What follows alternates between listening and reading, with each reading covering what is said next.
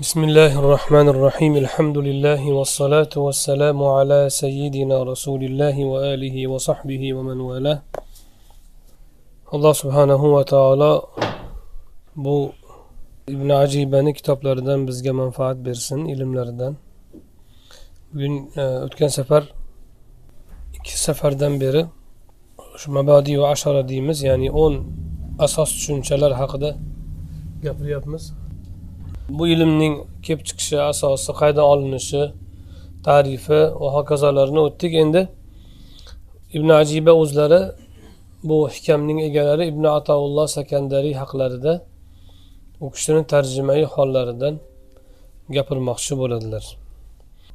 U kishini tarjimai hollariga kirishdan oldin man bir she'rni esimga kelib qoldi hozir shuni o'qib bermoqchiman. Muhammad zakiy ibrohim degan olim o'tganlar. Bu yerda Э, misrda o'tgan asrda o'ta katta olim bo'lganlar shariy ilmlarda ham falsafada ham botiniy ilmlarda ham zohiriy ilmlarda ham hatto aniq fanlarda ham e, katta olim bo'lganlar e, u kishi ham muhaddis bo'lganlar. Shu kishidan bir kishi so'ragan ekan. So'rab aytibdiki e, savol bergan oddiy u kishi savolga ekan javob bergan. Savol ham she'r javobi ham she'r qilingan keyin savolni keyin she'rga aylantirishgan bo'lsa kerak lekin javobi she'r bo'lib mas- mashhur bo'lgan savol shuki shogirdlari bergan savol يا سيدي يا إمام العصر قيل هنا إن التصوف تضليل وتعويج كيف التصوف في الإسلام صفه لنا فإن, فإن فتواك للمكروب تفريج إيه سيدم e, asrning imomi bo'lgan alloma bu yerda aytishlaricha tasavvuf bu odamlarni adashtirish zalolatga ketkazish yoki haqdan to'sish va tavij odamlarni egrilikka yurgizishdan iborat deb aytgan gap tarqayapti.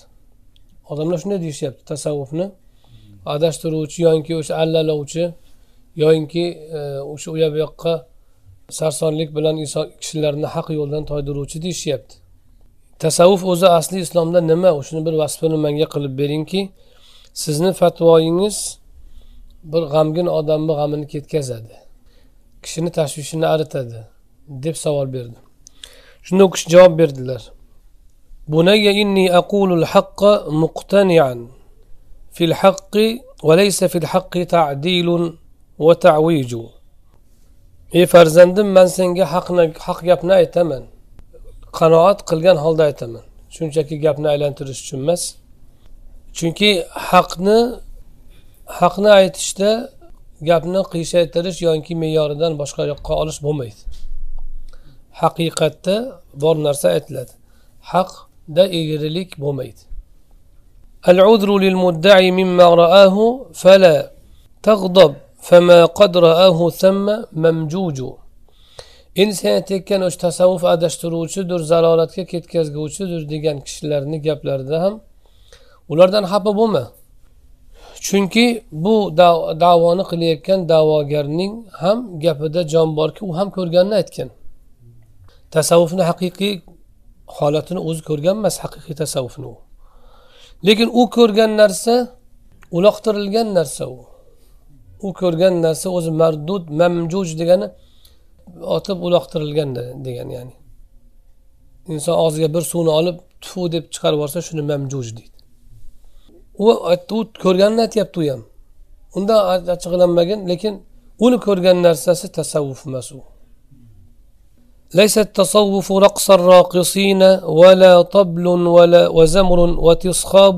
وتهييج tasavvuf bu raqsga tushadiganlarning raqsi emas bu tasavvuf bu raqsga tushish emas do'mbira urish emas surnak cholish emas yoki baqir chaqir qilib bir birini qo'zg'atish emas ولا هو الذكر بالألفاظ ساذجة ولا صعق وتشنيج محرفات ولا صعق وتشنيج u bir tushunarsiz yoyinki bir xashaki so'zlarni aytib zikr qilish ham emas o'zgartirilgan tushun bo'lmaydigan so'zlarni aytib zikr qilish emas yoyinki baqir chaqir qilish emas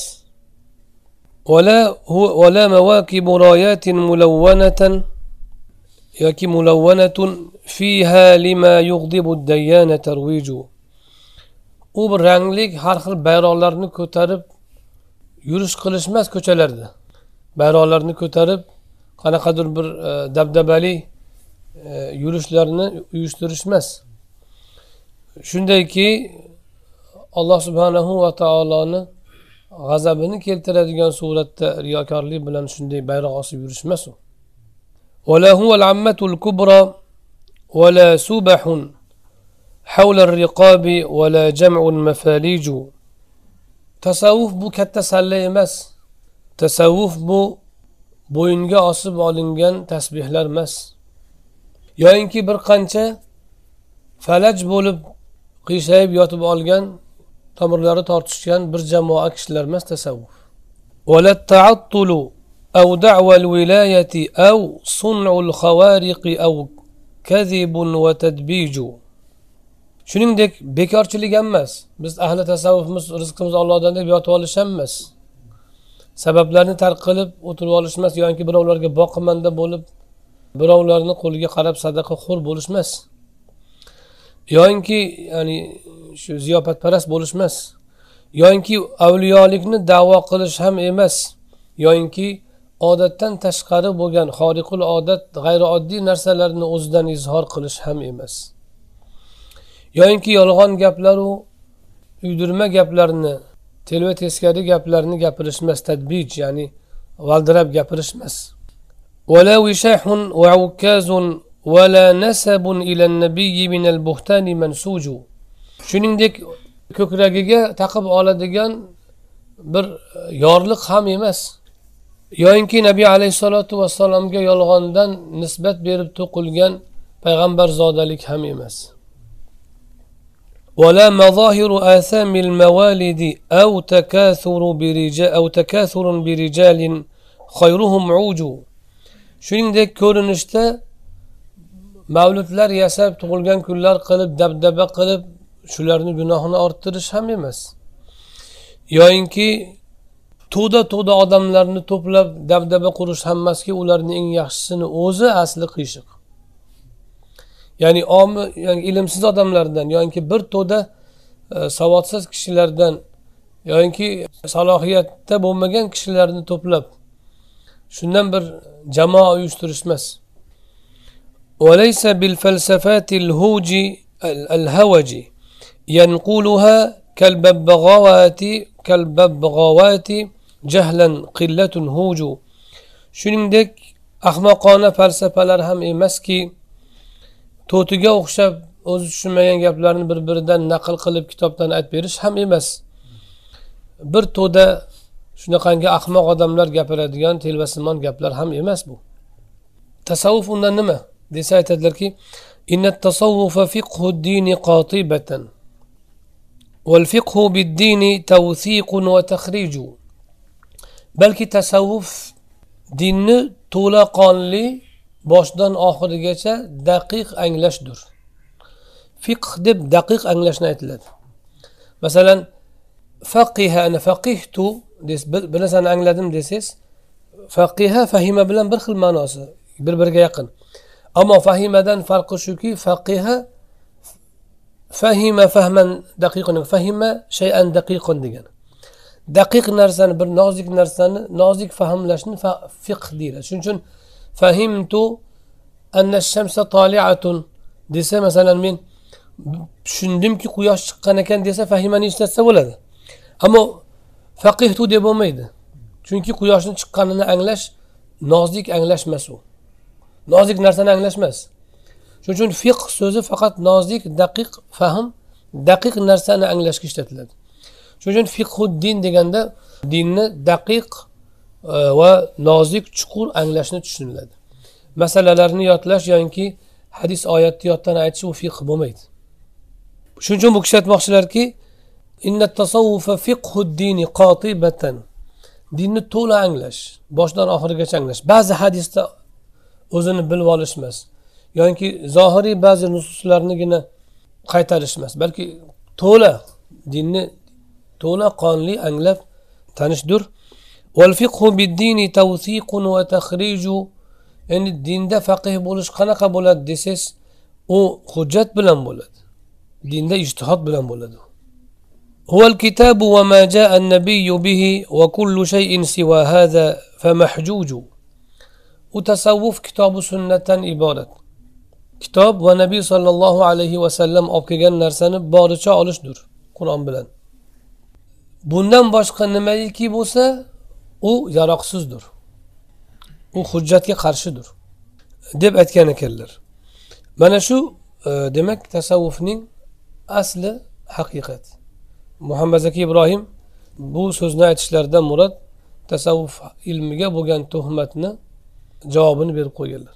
Hozirgacha sofiylik desa yoki sofilar desa odamni ensasi qotadigan tarzda tushunadiganlar ham bor. Buni bir so'kish so'kish so'ziga aylantirgan yoki haqorat so'ziga aylantirgan media qurbonlari bo'lgan kimsalar ham bor. Endi shu tasavvufni ba'zi bir da'vogarlari bu ilm daqiq bo'lgani uchun bu ilmni egallaydigan kam bo'lgani uchun aksar bu ilmdan gapirganlar da'vogar bo'ladi quruq. Kishilarda bunga ehtiyoj bor ruhiy tarbiyaga ehtiyoj bor axloq tarbiyasiga ehtiyoj bor. Haqiqiy musulmon bo'lish uchun islomni qalbda yashashga ruhi bilan islomda yashashga insonni fitratida ehtiyoj bor. Ammo o'sha ehtiyojni qondiradigan tasavvufni asli kitobi sunnatdagi tasavvufni ochib beradigan. Asli rasuli akram alayhissalotu vassalomning ehson deb aytgan maqomlarini yoritib beradigan ilm egasi kam bo'lgani uchun ko'p holatlarda kishilar bu chanqog'ini qondirolmaydi natijada ular kimdandir shu ruhiy bir ta'sir olsayu shundan tasalli olsa ketib qoladi. Endi o'sha ishni egalari bo'lmagandan keyin ba'zi bir kishilar qo'ldan kelgancha bajarmoqchi bo'lib bu ishga kirishadi. Ammo haqini ado qilmaganligi uchun uni ilmiga ega bo'lmaganligi uchun uni tarbiyasini o'zi asli ilmiy ravishda olmagani uchun ko'pincha kishilar ularga ergashgan holatda adashuvga ketib qolishadi. Aslida tasavvuf ayni shariatni o'zi faqat shariatni sohalari bo'linganda masalan hadis rivoyat. Fiqh kitobi sunnatni tadbiq qilish fahmlash yo'li. Zohiriy amallarda aqida ilmi kitobi sunnatni aqidaga doir masalalarini yoritib beruvchi nizomga solib beruvchi ilm. Ammo hadis ilmi va qiroat ilmlari nususlarni boricha naql qilish ilmi uni fahm qilib tadbiq qilish emas. Muhaddislarni orasida faqihlari bo'lgan o'zlarini fahmlari bo'yicha fiq boblariga bo'lgan fiqlarda fatvolarni qo'shishgan lekin to'laqonli fiq shakllanmagan baribir. Masalan imom termiziyni sunanlariga ergashgan birorta millatni bilmaysiz termiziyni mazhabida deb. U kishi fatvolarni naql qiladi shofiydan boshqa ulamo avzoiydan E, sufyon saudiydan yoki boshqa ulamolardan. E, ammo o'zi u kishi bitta mazhab tuzolmaydi. Chunki fiqda shug'ullanmagan u kishini u kishini vazifasi naql xolos. Ammo fiqh bilan shug'ullanganlar ular shariatni hamma boblarini o'rganadilar hamma bobda kelgan kitobi sunnatni va ulamolarni asarlarini o'rganib turib xulosa yasaydilar qoida yasaydilar. Yaxlit bir amalga yaraydigan tadbiq qilsa bo'ladigan bir nizomni taqdim qiladilar. Aqida ulamolari ham shu ishni qiladilar. Ammo tarixda biror joyda ko'rgan emassiz va hozir ham topolmaysiz falon diyor buxoriyni mazhabida piston diyor termiziyni mazhabida aqidada yoki fiqda degan narsa bo'lgan emas bo'lmaydi ham. Chunki uni iloji yo'q javob bermaydi kitobni o'zi javob bermaydi unga. Hozir ba'zi bir adashtiruvchi toifalar chiqib olib men buxoriyni mazhabidaman termiziyni mazhabidaman degan quruq davoni qiladi xolos. U termiziyni kitobida ikki rakat namozni yasolmaydi u. Hamma amallarni jamlab. Yo'q qilolmaydi iloji yo'q. O'zi kitob unga tuzilgan emas. Ammo dunyoni qayerida bo'lmasin iloji yo'q mazhab fuqahoga ergashadi hamma. Fuqahoga ergashmayman hadisdan olaman deganlar ham asli ergashadi majbur. Faqat nafsi o'ziga chiroyli ko'rsatgan ba'zi masalalarda adam baqa bada o'tib hadislardan fatvo olib o'zini alloma ko'rsatadi xolos. Namozni boshqa amallarda faqih ergashayotgan bo'ladi baribir. Otasidan olgan domlasidan olgan yoshligida qaydandir olgan u faqihdan kelayotgan namoz u. Faqihdan kelayotgan e, fuqarolardan kelayotgan ibodat bo'ladi. Rafiyadanga o'xshagan yana ba'zi masalalarni oladida shunda hadisga amal qilaman deb kitobi sunnatdan olamiz biz degan davoni qiladi. Birinchidan kitob sunnatdan olishga u kishini salohiyati yo'q. E, nohaqdan qiladi bu ishni. Ikkinchidan hech qaysi ibodatda butun ololmaydi. Hamma ibodatda asosan fuqaroga ergashiladi fuqaroni rivoyatiga va fuqarolarni tartibiga. Ba'zi joylarda endi hadisdan olayotganini davo qilib ijtihodni davo qilgisi keladi. Bu o'sha mazhabdan chiqish asli manhajdan chiqish to'g'ri amaldan chiqish bo'ladi xolos. Ana shunday sohalardan bittasi kitobi sunnatdan olingan fiqh kabi aqidadan kabi aqida kabi tasavvuf bo'ladi shu. Tasavvuf ham ayni kitobi sunnatdan olingan bo'ladi. U ayni rasuli akram alayhissalotu vassalomdan san'at bilan kelayotgan ilm san'atlarini biz o'tgan safar o'qib o'tdik. Bitta ibn ajibani san'ati u. Boshqa ulamolarni ham san'atlari bor. Masalan hazrat naqshbandni ham ikkita san'atlari bor. Bittasi muttasil bittasida inqito bor zohirda inqito bor uzilish bor. O'tgan safar aytganimizdek qiroat ilmlari ham to'rtta beshta sahobaga to'xtalgandaqa boshqa sahobalar ham qur'on olgan boshqa sahobalar ham qur'on o'qigan o'qitgan. Lekin san'at davom etmagan. Ko'p o'qitmagani uchun mashhur bo'lmagani uchun. Fiqda ham xuddi shunaqa. Kim fatvosini olamiz? Oltita sakkizta sahoba xolos fatvosi olinadigan sahobiy. Qolganlarni rivoyatda olinaveradi ammo fatvosi olinmaydi. Bitta yarimta rivoyat chiqadi lekin namozni qamraydigan yoyinki birorta ibodatda yoki islomni hamma boblarida chiqadigan fatvosi rivoyat qilingan sahoba yo'q. O'ta sanoqli chunki kimki qaysi soha bilan shug'ullangan bo'lsa o'sha sohadagina u kishini asari qoladi. Boshqalar o'ziga yarasha shug'ullanadi amal qiladi to'rtta o'nta shogird chiqaradiyu lekin shu sohada keng bo'lmagani uchun u kishini e, mashg'uloti tarqamaydi davom etmaydi. Xuddi shuningdek botiniy ilmda ham alloh subhanahu va taologa qalban ibodat qilish ruhni bog'lash va islomni asli mag'ziga amal qila olish kitobi sunnatni asli maqsadini topa olish ilmi ham botin ilmi qalb islohi axloq islohoti ham alohida sohaga aylanib ketgan keyin boshqa sohalar kabi. Masalan ubay ibn kabdan fiq ham qo'ygan qiroat ham qo'ygan ammo qiroatda asosan u kishi. Usmon ibn affondan fatvolar bor ijtihodlari bor qiroatda asosan san'atlar. Va boshqa sahobalar ham xuddi shunday har birlaridan naql bor lekin ba'zilari ba'zi sohada ko'proq shug'ullanganlaridan shogirdlari o'shanda shug'ullanganlaridan ulardan keyin davom etadi. Ibn masud roziyallohu anhudan qiroat va tasavvu fiqh tarqigan asosan hazrati ali roziyallohu anhu salmon forsiy roziyallohu anhu abu bakr siddiq roziyallohu anhu va yana ba'zi sahobalardan abu zar roziyallohu anhu. Bulardan ruhiy tarbiya axloq tasavvuf ilmlari ko'proq tarqagan boshqa sahobalar ham o'qitgan o'rgatgan. Ammo bular shu sohada ko'proq bo'lgani kabi ko'proq shug'ullanganidan shogirdlari ko'p bo'lgan va yetishtirgan o'z o'z sohalarida yetishtirgan shogirdlari yetishgan o'sha sohada kamolga yetganlari bo'lgan shuning uchun ularni san'ati ko'p davom etgan. Qiroatda hamma ilmlarda fiqda va hokazoda bo'lgani kabi. Ana shu ilmlarni e, har birini o'zini san'ati bilan olinsa ana shu ilm haqiqiy rasuli akram alayhissalotu vassalomga ulangan bo'ladi va o'sha ilm haqiqiy din bo'ladi. Bugun ustozimiz bilan bir kitob o'qidik al arbain qirqta hadis to'plangan. Hadisni san'atidagi deyarli hamma san'at egalari ahli baytdan. Yoyinki xulofa roshidinni avlodidan. Xulofa roshidinni avlodlaridan yoki ahli baytdan bo'lgan rivoyatlar ko'p lekin ayni shularni san'atlaridan shularni nomlaridan yig'ib hadis kitoblariga san'atni ulashgan ahli bayt va xulofa roshidini avlodlaridangina ulangan san'at. Orada bitta yarimta ba'zilarida bu silsilada xilof bor lekin aksari shundoq. Yana bizda bir san'atimiz bor sahih buxoriydan hammasi muhammad roviylarni.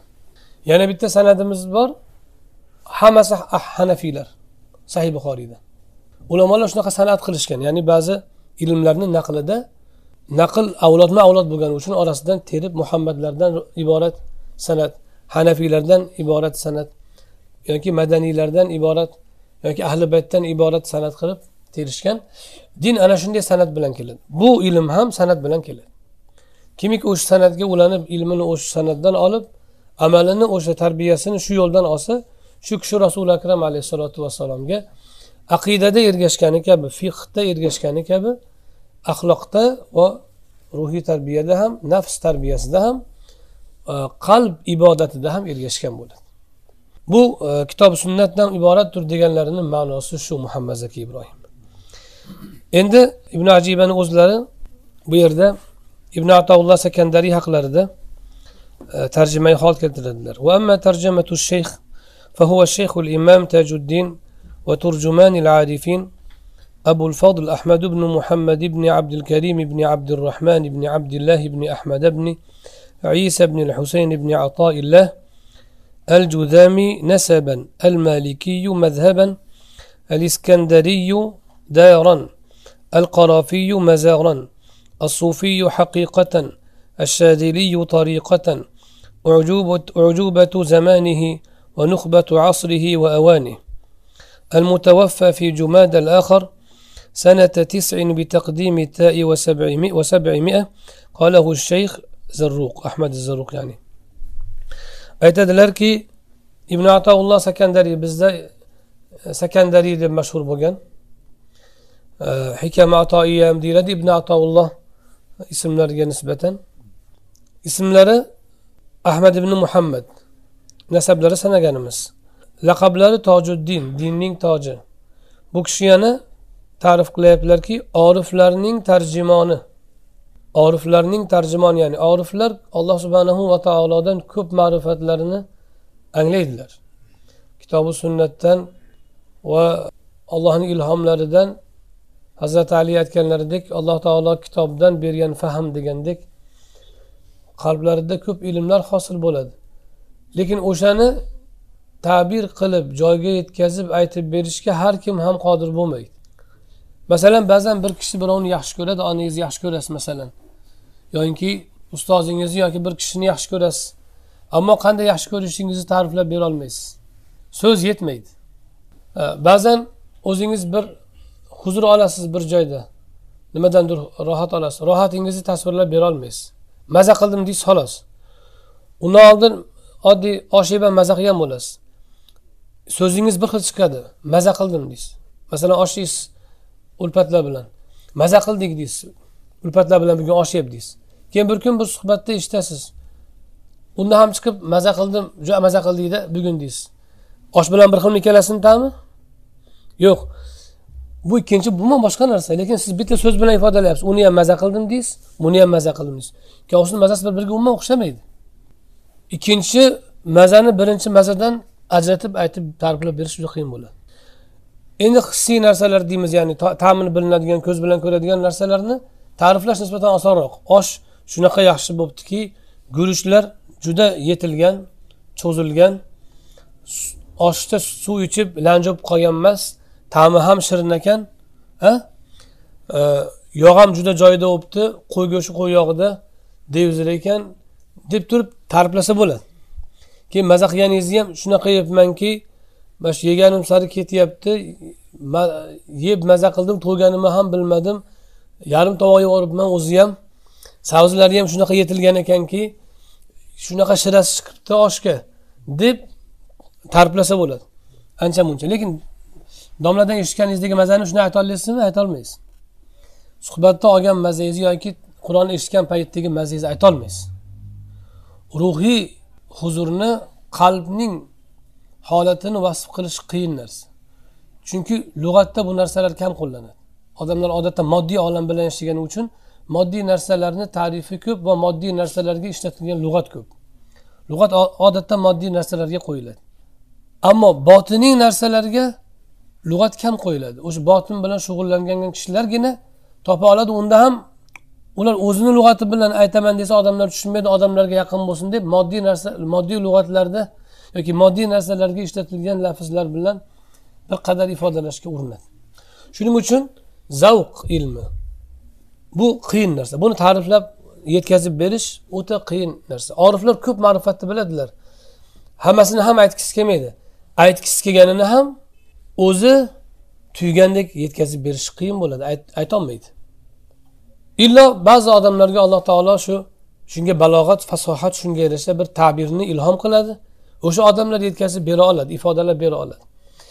Ana shu kishilarni oriflarni tarjimoni deb shuni aytyapti. Turjumanul arifin. Oriflar ruhiy sayrlarida qalb tarbiyasida nafs tarbiyasida alloh subhanahu va taolo bilan bo'lgan muomalalarida topgan ma'rifatlari tuygan zavqlarini aytolmay yurganlarini ibn ataulloh aytib berganlar.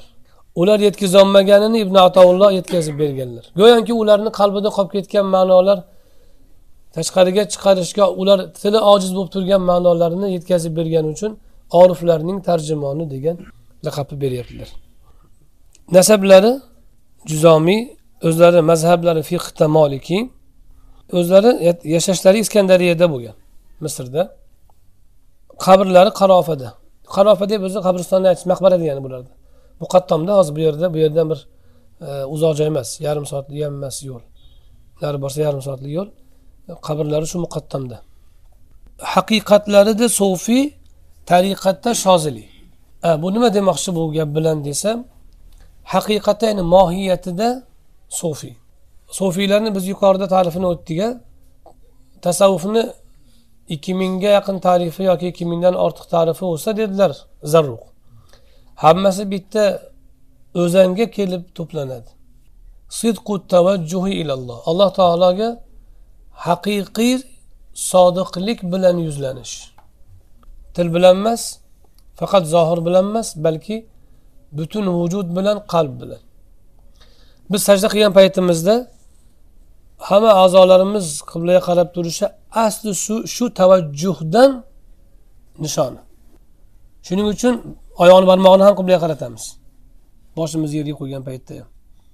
Yetti suyak bilan sajda qilishga buyurildim degan rasuli akram alayhissalotu vassalam. Hamma suyak qiblaga qarash kerak.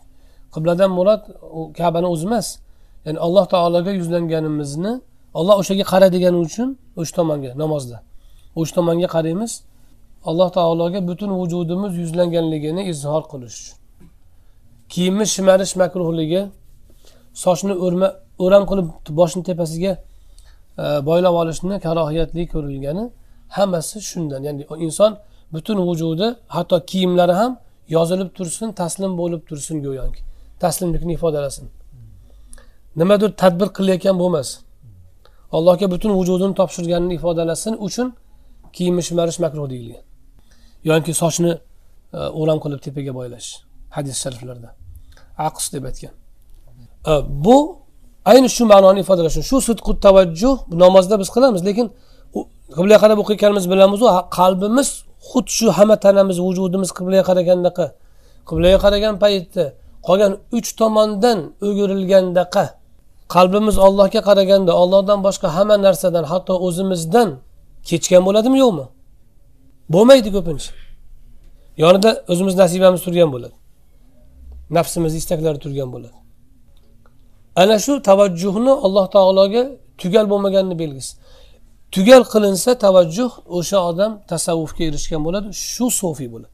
Haqiqati sofiy degani shu. Sofiyun haqiqatan degani mohiyatida to'la allohga yuzlangan degan endi shadiriyun tariqatan degani nima degani? Tariqatda shozilik endi ana shu tavajjuh alloh subhanahu va taologa yuzlanish yoki ehson maqomi hadis sharifda aytilgandek alloh subhanahu va taoloni ko'rgandek yashash ko'rib turgandek ibodat qilish doim. Hamma amalida hamma xatti harakatida alloh subhanahu va taoloning o'yi bilangina harakatlanadigan odamga aylanish. Alloh subhanahu va taoloning rizosi uchungina harakatlanib bu harakatdan to'xtash. A'zolari alloh subhanahu va taoloning xohishigagina qimirlab to'xtaydigan holatga aylanish mana shu haqiqiy ubudiyat bandalik bo'ladi. Shu tasavvuf shu ehson maqomi. Alloh taoloni ko'rib turgandek ibodat qilishing dedilar. Farazan ayting inson o'ldi. Alloh taolo har bir kishini turg'izib so'raydi. Nima olib kelding bandam? deydi. Shu holatda banda o'zini qanday tutadi? Farazan o'zimizni ollohni huzurida ko'raylikchi olloh hozir bizni tiriltirdi qaytadan huzurda turibmiz.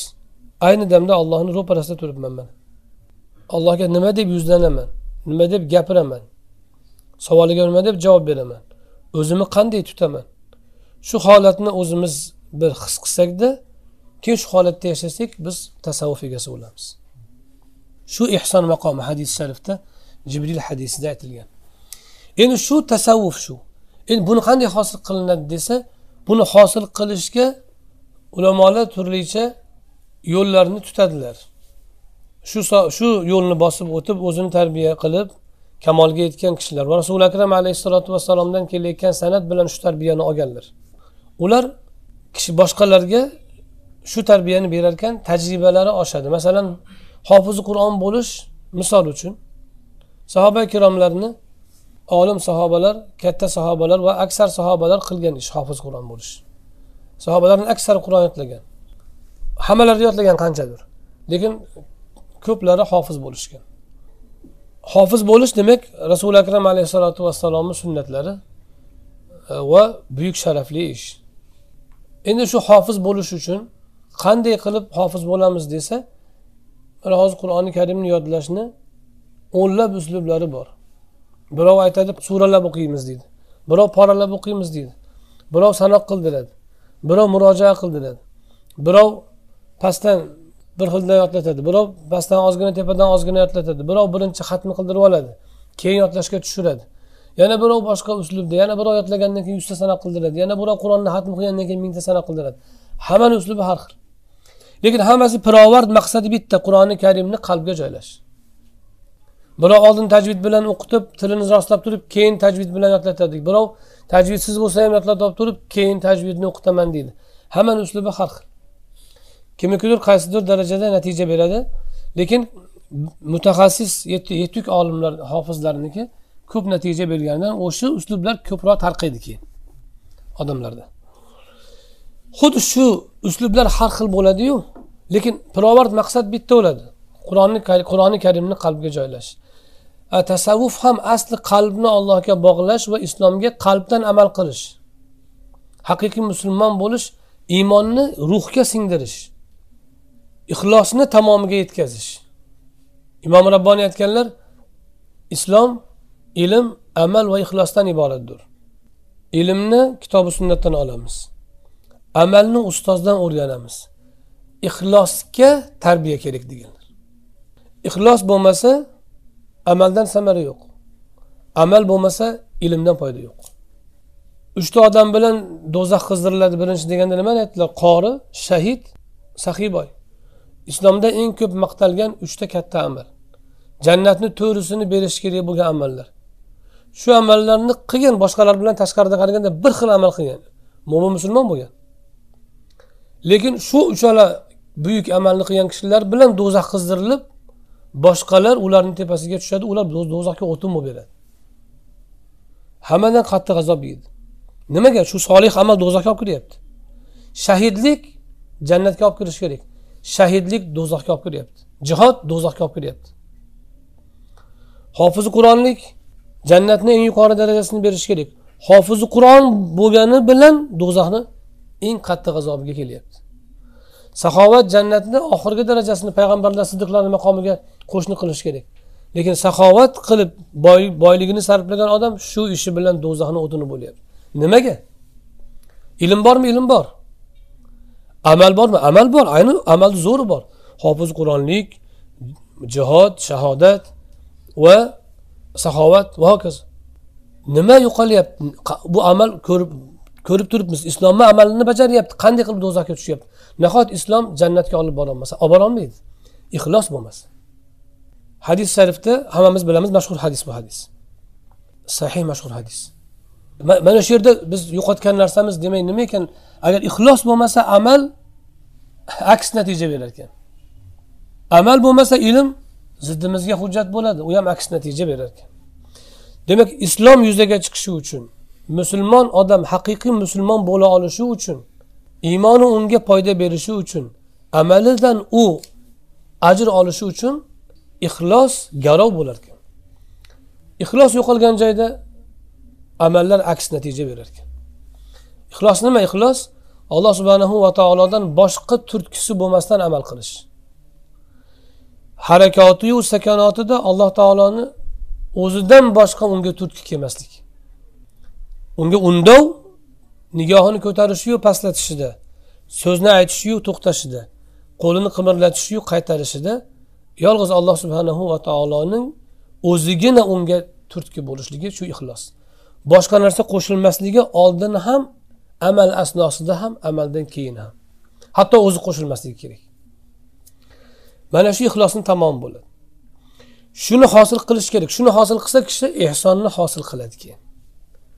Ana ehsonni hosil qilsa rasuli akram alayhissalotu vassalom diningizni o'rgatgani keldi jibril deganlar. Dinni o'shanda kishi tamomiga yetgan bo'ladi. Bo'lmasa o'zini o'zi aldab yuraveradi. Men solih amal qilyapman sunnatni bajaryapman saxovat qilyapman ilm o'rgatyapman deb ovunadi xolos. Ammo oxiratda hech narsa topmaydi ixlos bo'lmasa. Dunyoda obro' topishi ham mumkin o'sha amali uchun musulmonlar hurmat qilaveradi. Ammo ollohni huzurida uni qalbi e'tiborga o'tadi. Endi ixlos qayerdan topiladi? Qalbdan topiladi. U ko'rinmaydi u ko'z bilan quloq bilan ifodalab bo'lmaydi u qo'l bilan oyoq bilan. To'g'ri ularda alomat ko'rinishi mumkin lekin asli ixlosni masdari va manbasi qalb bo'ladi. Endi o'sha qalbni e, isloh qilib o'sha qalbda ixlosni o'zlashtirishga tasavvuf kerak bo'ladi. Tasavvuf shu ixlosni hosil bo'lishi tasavvuf. Endi shu tasavvufni hosil qilish uchun ulamolar qur'onni yodlatishda turlicha tariqalarni tajribadan kelib chiqib o'zlarini shaxsiy hayotidan va shogirdlarida o'tkazgan tajribalaridan kelib chiqib o'ziga yarasha bir yo'nalishni hosil qiladi. Tartibga beradi. Ana shu yo'nalishlar tariqat deyiladi. Tariqatlar shu tasavvufni tadbiq qilish ixlosga erishish uchun vosita yo'nalishlardan iborat xolos.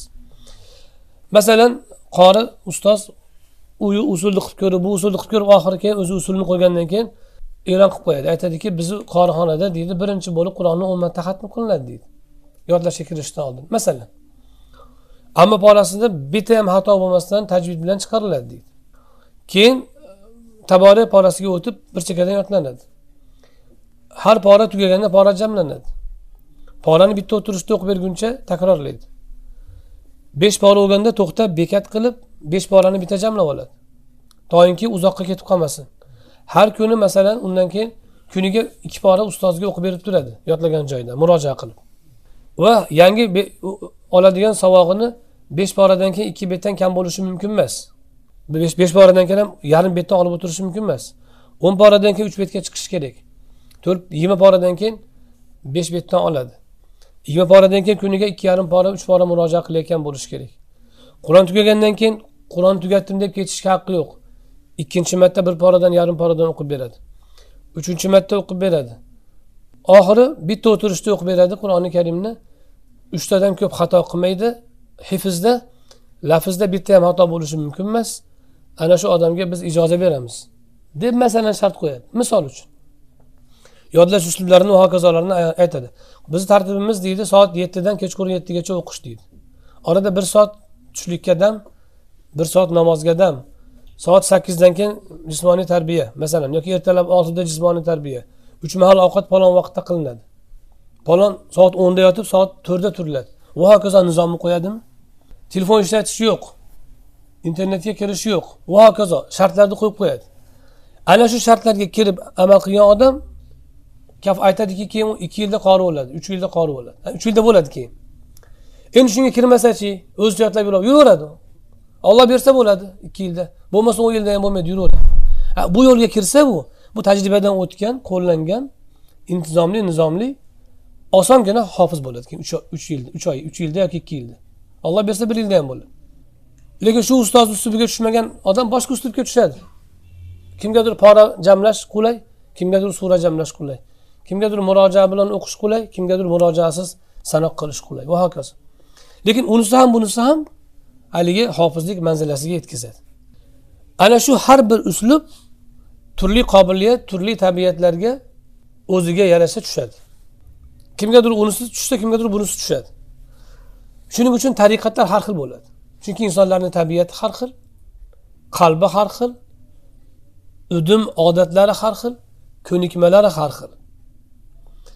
Shuning uchun tariqatlar odatda mahalliy tarqaydi nimaga? Murabbiy o'zini diyoridagi odamlardan kelib chiqib o'ziga uslub yasaydi. O'zini davridagi kishilarga qarab turib uslub yasaydi. Masalan hazrati naqshband bunda qarasalar odamlarda sufiylikni izhor qilishga riyokorlikka ruju paydo bo'libdi.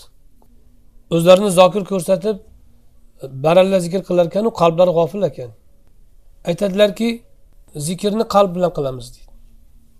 Seni zikr qilayotganingni yoningda o'tirgan xotining bilmasin deydi. Qalbing shunday zikr qilsin. Toinki riyodan xoli bo'lsin zokirliging. Bunda qarasalar odamlar sufiylikni davosi bilan boqimanda bo'lib qolibdi ba'zilar. Sadaqaxo'r bo'lib. Aytadilarki kim bizga shogird bo'lsa murid bo'lsa kasb qilishi shart o'zingni kasbingdan yeysan deydi. Qarasalar kishilarda halol haromga e'tibor yo'qligi uchun shubha taomlarga. O'shaning uchun qalbi tozalanmayapti bularni. Kasbingdan yeysan qo'lingdan yeysan luqmangga qaraysan deydilar. Chunki toinki sen taqvoni qilmarkansan tegirmonni eshagiga o'xshab aylanaverasan bir joyda. Tegirmon ertalab yo'lga tushadi. Kechqurungacha ming kilometr bosadi kilometrlab bosadi yuz kilometr yoki yuz metr ming metr bosadi. Lekin oxiri kechki payt asrda yana o'sha boshlagan joyda to'xtaydi. Kishi agar amal qilar ekan amali sahiy bo'lmasa va tavajjuhi to'g'ri bo'lmasa yoyinki muqobilida agar u o'zini isloh qilmasa gunohlardan to'xtamasa. U amal samara bermaydi. U odam allohga yaqin bo'lmaydi. Yana o'sha yigirma yil oldin qaysi absatlar bo'lsa o'sha absatlar bo'lib qoladi. Qarasalar kishilarni shu narsada to'siq bo'layotgan narsalardan sabablardan bittasi luqmalarini pok emasligi ekan. Chunki rasuli akram alayhissalotu vassalom haromdan bitgan it do'zax u e, et haromdan bitgan et ya'ni go'sht do'zaxga haqlidir dedilar. Ya'ni kuyishga mahkumdir. Albatta do'zax do'zaxga mahkum bo'lgan tana poklanmagan bo'ladi u. Unga zikr unga ixlos o'rnamaydi demak poklanish kerak ekan. Shuning uchun aytdilarki faqat halol yeysan luqmaga e'tibor qilasan kasbingdan yesang iloji bo'lsa keyin nazar barqadam qalbni hozirlash uchun nazaringni har tomonga qaratib hayolingni sochmaysan. Nazaringni pastga qaratib zikrda ko'proq bo'lasan qalbing hozir bo'lishi uchun. Qur'oni karimdan oldilar nigohlarini quyi qilsinlar dedi qur'oni karim. O'shanga amal qilasan. Payg'ambarimiz alayhissalotu vassalomga duoyim ijobat bo'lsin duo qiling deganlarida atib matamak takun mustajabat da'va sad ibn abi vaqqos roziyallohu anhuga yemishingni halol qil pok qil duoying mustajob bo'ladi dedilar. Ana shu hadis ana shu oyatlarni olib qoida tuzdilar ana shu keyin naqshbandiya tariqati bo'ldi. Xuddi shu ishni abul hasan shozili qildilar. Xuddi shu ishni abduqodir jiloniy qildilar. Xuddi shu ishni yana boshqa rifoiy ahmad rifoiy qildilar. Natijada ular millionlab odamlarni tarbiya qilganlar. Shariatga to'la amal qiladigan sunnatga to'la amal qiladigan musulmonlarni tarbiya qilganlar. Zohirida ham botinida ham amal qiladigan faqat tilida gapiradigan emas. Iymoni kamolga yetgan nafsi mutmainna bo'lgan kishilarni yetishtirdilar. Chunki qur'oni karimni pirovard maqsadi shu edi. Ya nafsul mutmainna. Mutmainna nafsni hosil qilish edi. Rasuli akram alayhissalotu vassalom biz arbainda o'tganimiz havoyingiz istagingiz mana olib kelgan narsaga to'la tobe bo'lmaguncha iymonli bo'lolmaysiz komil dedilar. O'sha komil iymonni hosil qilishdi. Shunda nafsni shaytonni vasvasalari bo'lsa hammasiga muolajalarni aytib ketishdi. Natijada kishilar ularni so'zlarini olib kitobi sunnatga to'g'ri amal qiladigan bo'ldilar. Bo'lmasam kitobi sunnatga amal qilish davosi bilan chiqqan havorijlar ham kitobi sunnatni o'qigan va gapirgan munofiqlar ham ammo haqiqiy iymon egalari ashobi kiromni qalblarini alloh taolo maqtagan qalblarni hosil qilish hammaga bo'lgan emas. Olloh ularni qalblarini taqvoda imtihon qilgan qalblarini qalbi taqvodagi imtihondan o'tadigan kishilarni tarbiyaladilar. Bu tarbiyani yo'lini tariqat deyiladi. Nima uchun tariqat deyiladi? Yo'l degani. Shu yo'lga kirishni suluk deyiladi. Shu yo'lda yurganni solik deyiladi. Shu yo'lni bosib nafsini tarbiyasiga erishgan kishini vosil deyiladi. Allohga yetishgan deyiladi. Yetishgan degani u bir joyga borib qolgan degani emas u demak mana bu kishini tariqatlari shoziliy degani shu. Abul hasan shoziliyning tuzib bergan tariqalari bilan tarbiya olganlar. Degan. Shuning uchun imom rabboniy aytadilarki tariqat va haqiqat shariatga xodimdir. Qaysi ma'noda? Shu ma'noda. Ya'ni shariat buyurgan narsalarni to'la amal amalga oshirishni uslublarini tariqat deyiladi. Amalga oshib kishi to'la musulmon holatga yetsa haqiqat deydi. Ya'ni bandani banda o'zini haqiqatiga yetgan bo'ladi. Haqiqiy alastu bi robbikum deganda bala degandagi ubudiyatga yetgan bo'ladi. Shuning uchun uni haqiqat egasi deyiladi. Imom rabboniy bitta misol keltiradilar. Masalan deydilar qur'oni karim bir biringizni g'iybat qilmang deydi. Masalan bu shariat. Endi siz g'iybat qilmayman desangiz to'satdan gohida g'iybat qilib qo'yayotganingizni topasiz. O'z bilmagan holatda. G'iybatdan tiyilolmay qolasiz. Ko'pincha masalan ayollarda bo'ladi. Erkaklar ham hozir xudoga shukur qolishayotgani yo'q. Endi o'sha g'iybatni qanday qilib bartaraf qilamiz? Qanday qilib man o'zimni tarbiyalayman? Kuchim yetmayapti desangiz ustoz sizga tavsiya beradi. Masalan aytadiki og'zingga tosh solib yur deydi. Kichkina tosh solib olgin yoki kichkina bir narsa solib olgin. Abu bakr siddiq roziyallohu anhudan rivoyat qilingan bu. Gapirmoqchi bo'lsang tak etadi tilingga tegadi. Keyin to'xtaysan g'iybatdan yoki lag'udan to'xtayman deysiz. Lag'udan to'xtash eng qiyin narsa g'iybatdan ham qiyin. Ibrohim ibn yazid lahmiy aytganlar man amallarimni shariatni qolibiga solish uchun bir yil urindim bo'lmadi ikki yil urindim oxiri erishdim. Ammo lag'uvdan lag'u so'zdan tiyilishga urindim o'n besh yilda erishdim deganlar. O'ttiz sakkiz yoshda vafot etganlar tobiinlardan bo'lgan shu gapni aytganda o'ttiz besh yosh bo'lsa agar yigirma yoshda boshlagan bo'ladi lag'vdan to'xtashni o'ttiz besh yoshda erishgan bo'ladi o'sha erishguncha nimalardir uslublar qilib ko'radi o'ziga? Masalan man aytib berdim bir ikki marta bu yerda bolalar o'ziga jarima qilgan. Ya'ni lag'vdan tiyilish uchun. Lag'vdan tiyilganidan zehni o'tkirlashib vaqtiga baraka kirib darslariga ulgib ibodatlarda halovat topgan hozir shu. Lekin shu darajaga erishish uchun o'ziga ilgari besh jurnaq qiluvdi keyin nimaga pul ko'payib ketdi desam jarimani katta qilib qo'yibdi. Jarimani katta qilib qo'ygan o'ziga natijada oldin ellik dollar olib keladigan bola bir oyda hozir yuz dollar olib kelyapti. Jarimani katta qilib qo'ygan toinki to'xtasin. Deyarli to'xtab qoldim hozir alhamdulillah lekin ba'zi oldin bir oyda olib kelgan bo'lsa hozir ikki oy uch oyda yuz dollar bo'libdi. Kamayib ketgan anchagina. Yana bittasi nigohida ko'zini nomahram emas lag'uvdan to'xtatishga behuda narsaga qaramaslikka mashq qilib o'ta zehnim o'sib ketdi deyapti u ham. Hayollar diqqatni jamlash o'ta kuchayib ketdi deydi. Shu shuni yo'li masalan o'ziga jarima qilgan. Yana bittasi masalan og'ziga tosh solib yuribdi. Ko'rishib qoluvdim. Yugurib kelib ko'rish assalomu alaykum deb talmon salom berib salom yaxshi chiqmaganidan uzr so'rab qora aka uzr og'zimda tosh bor edi deydi. Salom yaxshi chiqmaganidan. Og'ziga tosh solib yuribdi. Shu bilan o'zini chunki uni puli yo'q bilaman. Lekin shu bilan o'zini tarbiya qil mana shu tariqat bo'ladi o'zini tarbiya qilish yo'llari. Nigohingni pastga qaratasan. Zikrni qalbingda qilasan riyo qilmaysan. Qalbingga mana bu narsa kelib qolsa o'zingni isloh qilasan tavba qilasan. Birov seni haqorat qilsa qo'shilib haqorat qilmaysan teng bo'lib. Unda sen u bilan bir xil bo'lasan. Uni shayton deyishga haqqing yo'q o'zing ham shaytonsan. Birov seni so'ksa sen ham so'kadigan bo'lsang u shayton bo'lsa sen ham shaytonsan. Bir xilsan. Faqat kim oldin boshlagani? Musobaqa xolos u yerda. Lekin kovin tabiating bir xil. Deysiz ana odam tildan to'xtaydi keyin. Ko'zini gunohidan to'xtaydi. Keyin qalbidan qalbida o'tadigan gunohlarga o'zini muhosaba qilishni boshlaydi. Mana shu yo'llarni o'rgatish shu tariqat bo'ladi.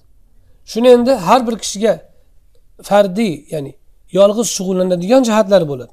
Lekin hammaga tushadigan yaxlit qoidalar bo'ladi. Hazrat naqshbandni qoidalariga o'xshagan. Nazar bir qadam xilvat dar anjuman deydi. Odamlarni jamoatni orasida yolg'iz o'tirish. Zohirda odamlar bilan bo'ladi qalbida ollohdan uzilmaydi. Ya'ni sen ollohni zikr qilish faqat mehrobda o'tirganda deb o'ylama. Hatto eng gavjum joyda bozorda ham qilishing kerak. Shuning uchun payg'ambarimiz alayhisalotu vassalom masjidda aytilganda o'nta savob beradigan zikrni bozorda aytganda millionta beradi deganlar. Ana shu darajani hosil qilish. Shuni yo'nalishlarini qoidasini qo'yib berganlar tariqat ustozlari bo'ladi. Shular tariqat naqshbandiya shoziliya deganlari shu u bidat emas u. Ayni sunnatni tadbiqi lekin tadbiqida odamlarni tabiatidan zamondagi kishilarni nafsidagi muammolardan kelib chiqib qo'yilgan qoidalarni tadbiqi hammasi pirovard maqsadi sunnatni tadbiq qilish xolos. Endi kimdir o'zini naqshbandiyman deb kimdir o'zini shoziliyman deb bidat qilsa ahmoqgarchilik qilsa u tariqatni yomon qilolmaydi.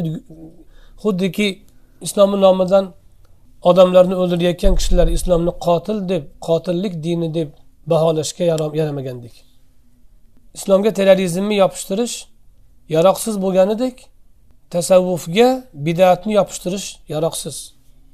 Kimdir unga mansub bo'lib o'sha bidatni qilgan bo'lsa. Islomga terrorizmni yopishtirish qanday mediyani qurboni bo'lish bo'lsa tasavvufga bidatni yopishtirish shunday mediaga qurbon bo'lish ahmoqlikdir. Bu o'tayam aqli ojiz. Shu internetda ko'rgan to'rtta sakkizta narsasi bilan xulosa chiqaradigan kalta fahm odamlardagina hosil bo'ladi. Ammo kitob o'qigan ilm o'qigan kishilarda bu narsa haqiqati bilan zohir bo'ladi. Mana biz aytgandek hamma buni yaxshi biladi. Va bu rasuli akram alayhissalotu vassalomdan uzilmasdan silsila bilan kelayotgan tarbiya bo'ladi bu kishi haqiqati sofiy tariqati shozili degani shu. Ujubatu zamanihi o'zini zamonasining eng ajoyib ajoyib tovur ajab tovur kishisi bo'lgan edi. Va nuhbatu asrihi va avanihi o'z davrining saralangan kishilaridan edi. U kishi jumodil oxirning jumodil e, oxir oyida vafot etdilar deydilar. Yetti yuz to'qqizinchi yili ahmad zaruq shunday deganlar وقال في الديباج المذهب كان جامعا لأنواع العلوم من تفسير وحديث وفقه ونحو وأصول وغير ذلك كان رحمه الله متكلما على طريقة أهل التصوف aytadilarki dibojul muzahhab kitobida ibn ataulloh sakandariy turli ilmlarni o'zida jamlagan kishi edilar tafsir hadis fiqh nahu usul va boshqa ilmlarni o'zlarida jamlagan kishi edilar u kishi tasavvuf ahlining ta ahlining tariqasi uslubida gapirardilar ularni tariqasida ularni uslubida so'zlardilar.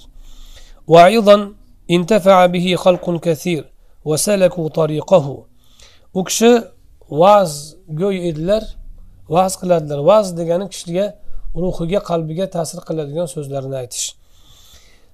U kishidan juda ko'p kishilar manfaat oldi va u kishini yo'lini tutdilar.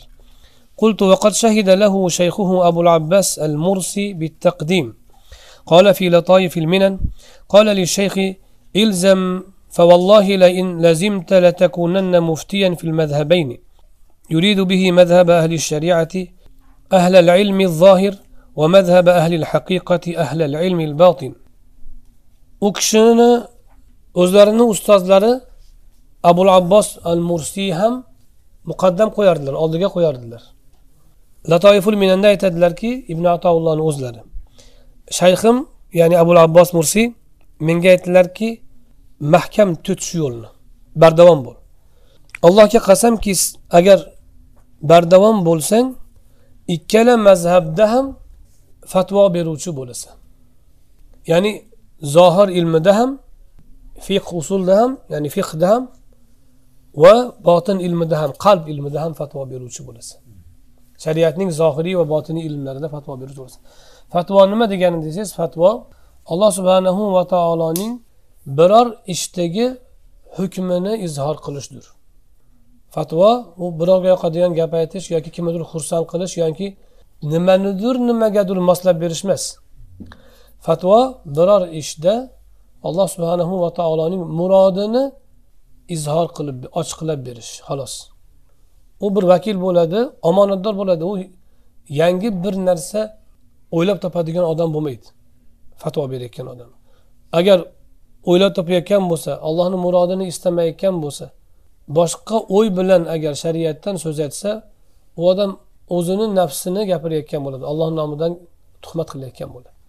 Bu albatta joiz emas bu kishiga aytyaptiki sen muftiy bo'lasan ikkala mazhabda ham dedilar yana aytgan ekanlarki والله لا يموت هذا الشاب حتى يكون داعيا يدعو إلى الله yana bir matnda va musilan ilalloh degan allohga qasamki bu yigit bu yigitni sha'ni ulug' bo'ladi bu hali alloh subhanahu va taologa chaqiruvchi va allohga yetkazuvchi kishi bo'ladi deganlar eltuvchi ya'ni bandani allohga yetishishi uchun o'zini tarbiya qilishi uchun allohga yetishishi uchun haqiqiy banda bo'lishi uchun tarbiya qiladigan murabbiy bo'ladi.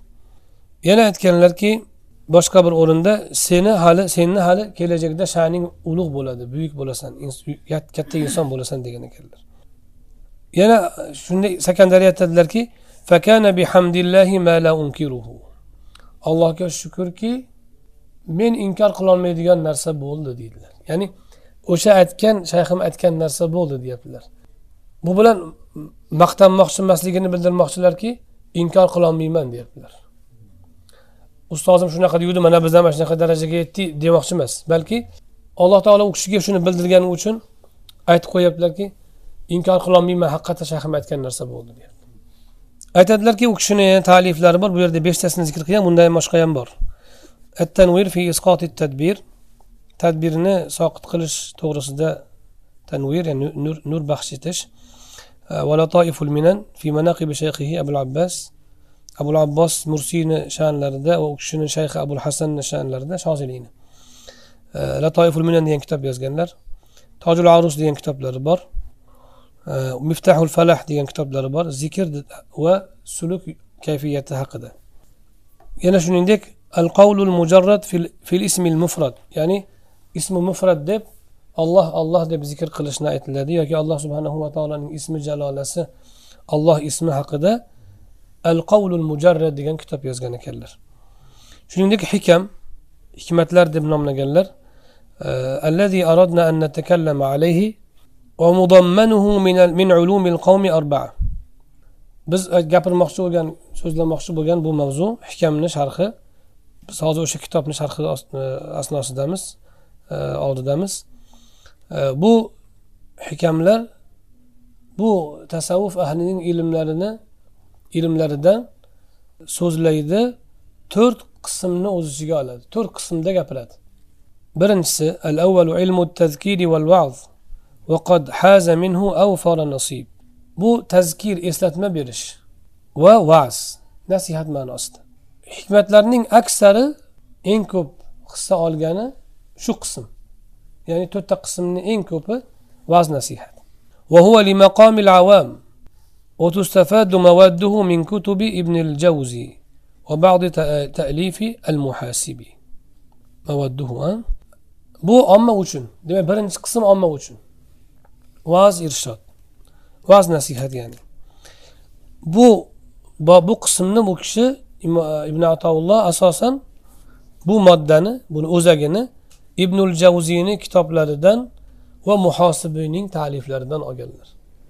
Imom ibn ibnul javziy hambaliy mazhabini eng buyuk imomlaridan ulamolaridan abul faraj ibnul javziy e, bu kishini shariatni deyarli hamma ilmlarida ta'liflari tasniflari bor. Eng mo'tabar olimlardan o'ta katta muhaddis va faqih bo'lganlar. Va tasavvufda ham asarlar yozganlar o'shandan foydalanganlar deydi. Keyingisi muhosibiy muhosibiy birinchi bo'lib bu ilmda ta'lif qilganlardan imom ahmadni e, o'rtoqlaridan bo'ladilar. E, u kishini risalatul mustarshidin degan asarlarini ham e, o'qiyapmiz hozir. O'sha eng muhim asarlaridan. Yana shuningdek vasuduru kutubil ihyai val qut va tahbiril qushayri. Va ihyo ulumuddin imom g'azzoliyni asarlaridan olganlar. Shuningdek qutul qulub makkiyni kitoblaridan tahbir qushayriyni kitoblari va majaro majroha va mana shu yo'ldagi kitoblardan olganlar. Vallohu alam. U kishi endi vallohu alam deb qo'yayotganlari men o'rganishimcha shunday demoqchi. Ya'ni bu kishi o'zida ilhom bo'lib yozganmi yoki o'sha kitoblardan olganmi? G'oliban olgan bo'lsa kerak demoqchi. Ibn ajib aytyapti. demak birinchi qismi shu hikmatlarni birinchi qismi va'z nasihat bular yuqorida aytilgan kitoblarni xulosasi usorasi deb qo'yamiz lo'ndasi eng qaymog'ini olib shu yerda xulosasini yozganlar ikkinchisi turdagi e, hikmatlar tasfiyatul amal va tashihul ahval بتحلية الباطن بالأخلاق المحمودة وتطهيره من الأوصاف المذمومة وهذا حظ المتوجهين من الصادقين والمبتدئين من السالكين. Ikkinchi qism amallarni poklash. Amallarni toza amalga aylantirish. Turli kirliklardan sof haqiqiy musulmoncha amalga aylantirish bandani amalini surati amalu oxiri do'zaxga olib boradigan holatdan qutqarish. Surat solih amal shahidlikka o'xshagan qori bo'lishga o'xshagan. Ammo oxiri do'zaxga olib borib qo'yishidan saqlab saqlanishi uchun amallarni tozalash. Amallarni o'sha holat shunaqa kirliklardan tozalash. Habada qiladigan yoki do'zaxga olib boradigan kirliklardan tozalash. Va ahvollarni tozalash to'g'ri qilish. Hol insonda kechadigan holatlar. Masalan alloh bilan bo'lgan muomalada banda turli holatlar kechadi undan. Bir shodonlik keladi bir mahzunlik keladi. Bir jo'shib ketadi bir so'nib qoladi bir shijoatlanadi bir g'ayratsizlanadi. Va hokazo. Bir haligi ruhiy holati kuchayib ketib qolib o'zini tutolmay qolishi ham mumkin ba'zi odam. Yana ba'zi odamda bir shavq kuchayib ketadi.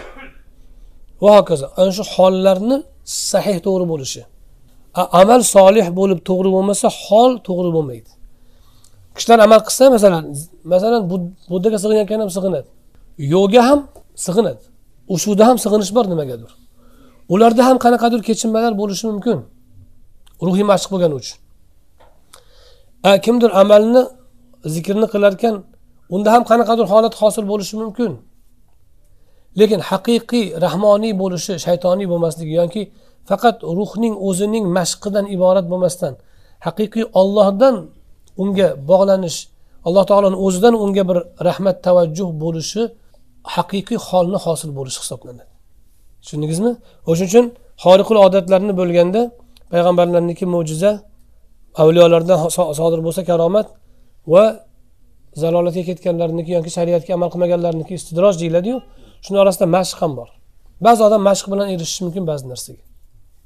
U ruhning quvvatidan foydalangan xolos. Ammo ollohga yaqin bo'lganmi? Yo'qda gap shu yerda. Allohga yaqinlikdan hosil bo'ladigan alloh taolo bilan bo'lgan muomaladan hosil bo'ladigan qalbdagi kechinmalar va tuyg'ular va holatlarni ahvol deyiladi hollar deyiladi. O'sha hollar sahih bo'lishi uchun ham o'ziga yarasha ma'rifat va o'ziga xos amallar kerak. Shunchaki ruhiy mashg'ulotdan iborat bo'lib qolmasligi kerak zikr balki u taqarrub allohga yaqinlik hosil qilishdan iborat bo'lishi kerak. Mana shuni aytyaptilar tashihul ahvoldan murod shu.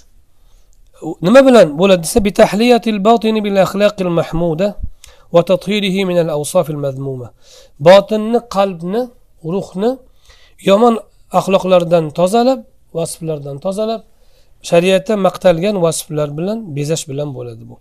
Buni tahalli tahalli deyiladi. Tahalli yomon sifatlardan tozalanish tahalli yaxshi sifatlardan bezanish tajalli haqiqiy ubudiyatni unda hosil bo'lib alloh taoloning e, tajallisi unda zohir bo'lishi bo'ladi.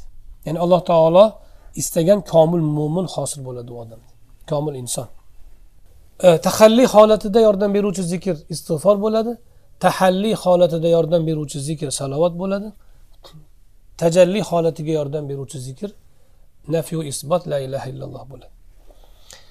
shuning uchun soliklar hamma tariqatlarda shu uchala zikridan xoli bo'lmaydi siyg'asi farq qilsa ham ba'zi zikrlarni وهذا حظ المتوجهين من الصادقين والمبتدئين من السالكين endi bu ikkinchi qism tahalli va tahalli ishlari bu alloh subhanahu va taolo tomonga yo'l olgan soliklarning boshlang'ich shu yo'lga kirgan kishilarning sodiq qalbdan allohga birinchi marta yuzlanayotgan kishilarning nasibasi shu qismda bo'ladi ko'proq o'shalarga tegishli bu bob demoqchi وقد حاز منها جملة صالحة ومدتها من كتب الغزالي والسهروردي ونحوهما bu qismda shu mavzuda yaxshigina bir ulush bor o'zagi imom g'azzoliy va suhravardiyni kitoblaridan olingan va shunga o'xshaganlarni Uchinchi qism tahqiqul ahvali val maqomat va ahkamul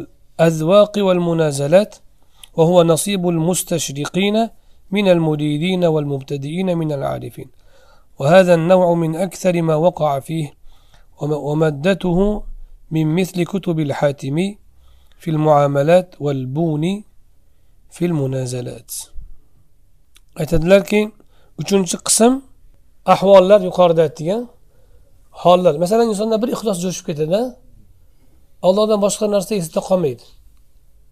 Bir amal qilayotgan paytda keyin yana haligi oldingidaqa qanaqadir nafs nasibalar qo'shilib qo'yganini ko'radi. Bu odamda ixlos holi paydo bo'ladi ammo maqomi paydo bo'lmagan bo'ladi. Maqom bo'lsa u o'zgarmaydi sobit bo'ladi. Bir odamda masalan bir muhabbat jo'shib ketadi allohga nisbatan. Yig'laydi zikr qiladi. Keyin oradan ozgina vaqt o'tib ba'zi ishga mashg'ul bo'lgan paytda haligi muhabbat yo'qolib qoladi. Haligi hol bo'ladi maqom emas. U muhabbat maqomiga yetmagan bo'ladi. Bir odam tavba qiladi yig'laydi hamma gunohimdan tavba qildim deydi. Qalb gunohlariga ham tavba qildim palonchini xafa qilgan ekanman uzr so'rayman deydi. Bir kishidan uzr so'raydi.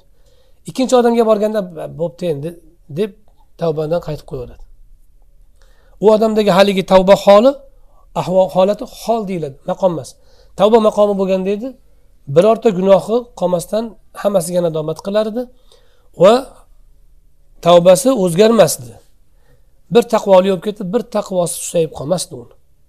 Ana shunday ahvollarni tahqiqi degani ahvollarni to'g'ri topish va takrorlash bilan maqomga aylantirish bo'ladi. Ana shu tahqiqul ahvol val maqomat. Maqomni tahqiqi nima desa har bir maqomni o'zini hukmlari bor. Tavba haqiqiy bo'lishi uchun unda nimalar hosil bo'lishi kerak? Hammasini hosil qiladi. Zuhud hosil bo'lishi uchun unda nima sifatlar hosil bo'lishi kerak? Hammasini hosil qiladi. Va hammasida sobitlikka erishadi. Shu tahqiqul maqom deyiladi. Bu kishi nafsni qalbni komil islom komil iymonga chiniqtirgan bo'ladi. Va ahkamul azvaq shuningdek zavq yani qalb bilan tuyuladigan ma'nolarni hukmlari val munazalat munazalat deb bir maqomdan ikkinchi maqomga o'tish maqomlarni egallashni aytadi.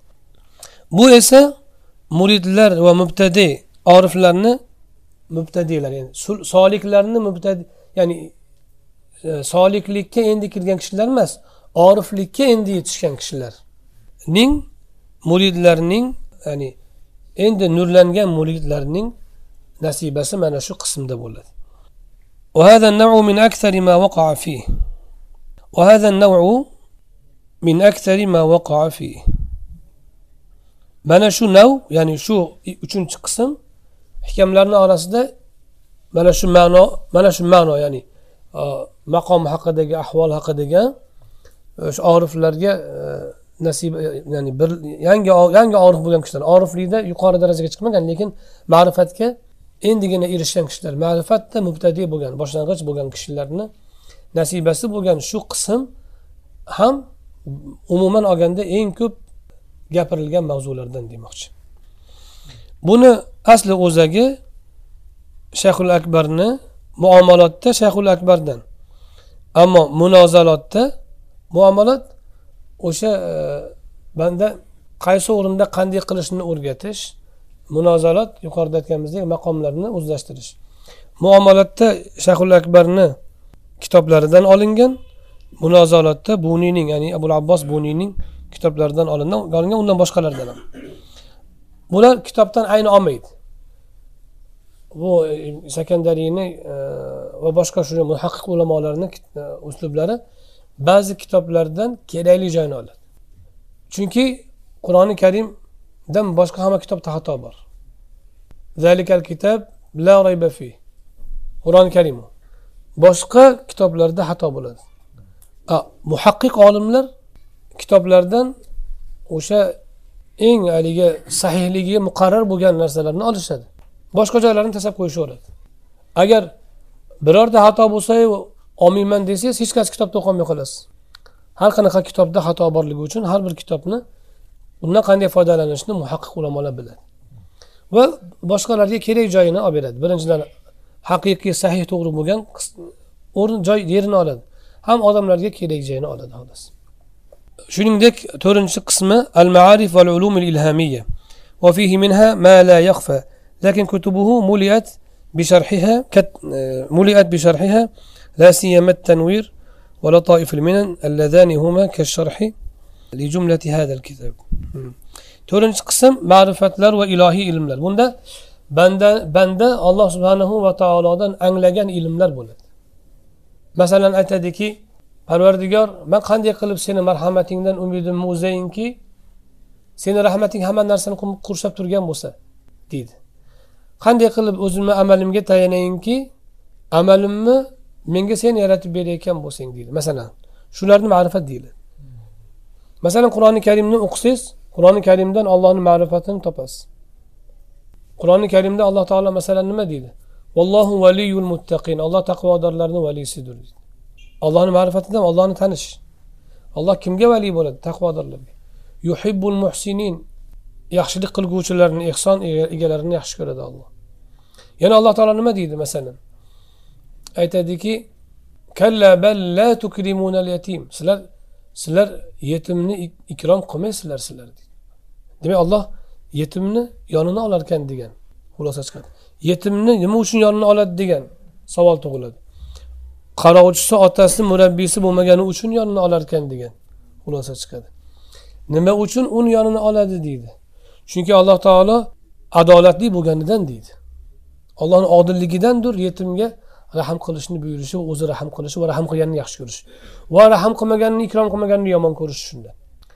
Alloh taolodagi adolat sifatidandir rahmat sifatidandir va yetimni tarbiyasiga bunday e'tibor berishi aslida inson tarbiyasiga ollohni e'tiboridandir. Inson tarbiyasiz qolishi alloh taologa yoqmasligini belgisidir. Yoki payg'ambarimiz alayhissalotu vassalom aytdilarki bir ayol dedilar o'tgan qavmlardan bittalari bitta ayol. Fahsh ish qilib yurardi quduqqa tushdi. Suv ichdi. Quduqdan chiqsa bir it chanqab kelib tili osilib qolgan yerdagi namlikni yalayapti tuproqni quduqqa qaytib tushdida mahsisiga yoki kavushiga suv olib olib chiqib itga ichirdi. Olloh uni hamma gunohini kechirib yubordi dedilar. Fohishani. Mana bu ollohni ma'rifatidan nimani ko'rsatadi? Alloh ga amalni katta kichikligi emas muhimligi. Olloh uchun bo'lishligi ekan. Alloh taolo ollohni maxluqlaridan qaysi biriga yaxshilik qilsa mukofotlar ekan. Nima uchun? Maxluqlarini yaxshi ko'rganidan. Maxluqlarni olloh yaxshi ko'rar ekan o'zi yaratganlarni o'zi yaxshi ko'rar ekan. Hatto itni ham. Itni ham yaxshi ko'rgani uchun itga yaxshilik qilganni gunohini kechirib yuborar ekan. Mana bu ma'rifatlar va alloh taoloni e, ma'rifat tugamaydi ollohni ma'rifati. Banda ollohni tanigani sari allohga muhabbati oshib boraveradi. Tanigani sari o'zini tanib boraveradi. Mana shu narsalar ilhomotlar ma'rifatlar deganlari shu. Biz hozir aytayotganlarimiz masalan shingillar. Bu kishi aytganlari ham uchqurlar. Lekin bu kishi yetuk yetuk ma'rifatlarni aytganlar o'sha bobda. Agar uni biz haqiqiy idrok bilan his qila olsak alloh taoloni taniy olamiz. Imom jafar aytganlarki jafar sodiq alloh taolo qur'oni karimda tajalli qiladi o'zini ko'rsatadi. Afsuski odamlar ko'rmaydi deganlar. Yodlaveradi o'qiveradi tafsir qilaveradi tarjima qilaveradi ollohni ko'rmaydi. Hatto o'zbekcha tarjimasini o'qib ba'zilar shumi qur'on deganlar bor. Shu xolos ekanu payg'ambarlarni qissasi ba'zi hikoyalar ekan xolos u deganlar ham bor. U ko'rmagan u. U g'ofil u. Qur'oni karimni agar haqiqiy o'zagiga kirib o'qiydigan bo'lsangiz olamni taniysiz ollohni taniysiz. Ana shu ilmlardan bu kishi ilhom ma'rifatlarini taqdim qiladilar. Lekin aytadilarki fihi minha ma la yaxfa mana shu bobda minha ya'ni minal ma'arif o'sha ma'rifatlardan ma la yaxfa kishiga sir qolmaydigan darajada ochiq ilm ochiq narsalar bor. O'qisang o'zing bilasan demoqchi. Lekin kutubuhu muliat bi sharhiha.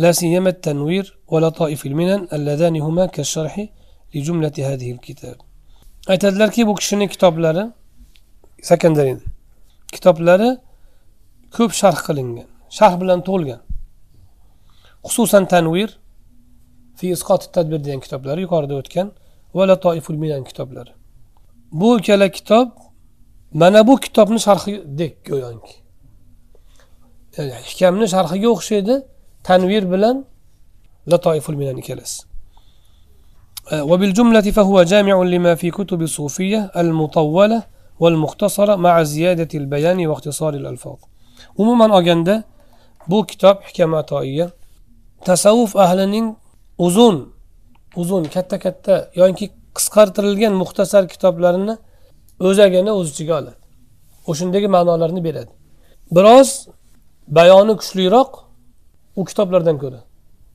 u kitoblardan ko'ra o'sha kitoblardagi ma'nolarni beradi ya'ni tasavvuf ahlining kitoblarining katta kitoblariyu kichik kitoblarining xulosalarini beradi ammo bayoni kuchlik lafzlari qisqa والمسلك الذي سلك فيه مسلك توحيد مسلك توحيدي لا يسع أحد إنكاره ولا الطعن فيه ولا يدع للمعتني به صفة حميدة إلا كساه إياها ولا صفة ذميمة إلا أزالها عنه بإذن الله تعالى endi bu kishi bu kitobni yozishda tutgan yo'llari qanaqa yo'l ibn ato har bir kitobni o'zini manhaji bo'ladi tasavvufda kitob yozganlar ta'lif qilganlar ko'p bu kishini uslubi qanaqa masalan qiroatda kitob yozganlar bor hadisda kitob yozganlar bor hammasini o'zini uslubi bor hazrati sahih imom buxoriyni masalan sahiylari uslubi nima desa faqat sahihni to'plash. Abu dovudni kitoblari sunanlari nima desa fiqhni to'plash. Termiziyni manhajlari nima desa amalda amal qilingan asarlarni va hadislarni to'plash. Imom ahmadni maslaklari nima desa yaroqli hamma rivoyatni to'plash. Va hokazo. Sunnatni jamlash. Imom ahmadni maqsadlari sunnatni va asarni jamlash. Har birini o'zini maslaki bo'ladi. Bu kishini maslaklari nima bu kitobni yozishda desa maslakun tavhidiyun tavhid maslak ya'ni alloh subhanahu va taoloning ilmiga bog'langan allohni tanish va allohga sig'inish va yolg'iz la ilaha illallohni asosiga qurilgan tarzda yoritganlar. Buni biz hakamlarni o'qiganda ko'ramiz. La ilaha illallohni tahqiqqa amalga oshirish uslub asosida ya'ni la ilaha illallohni asosida o'sha manhajda yozganlar.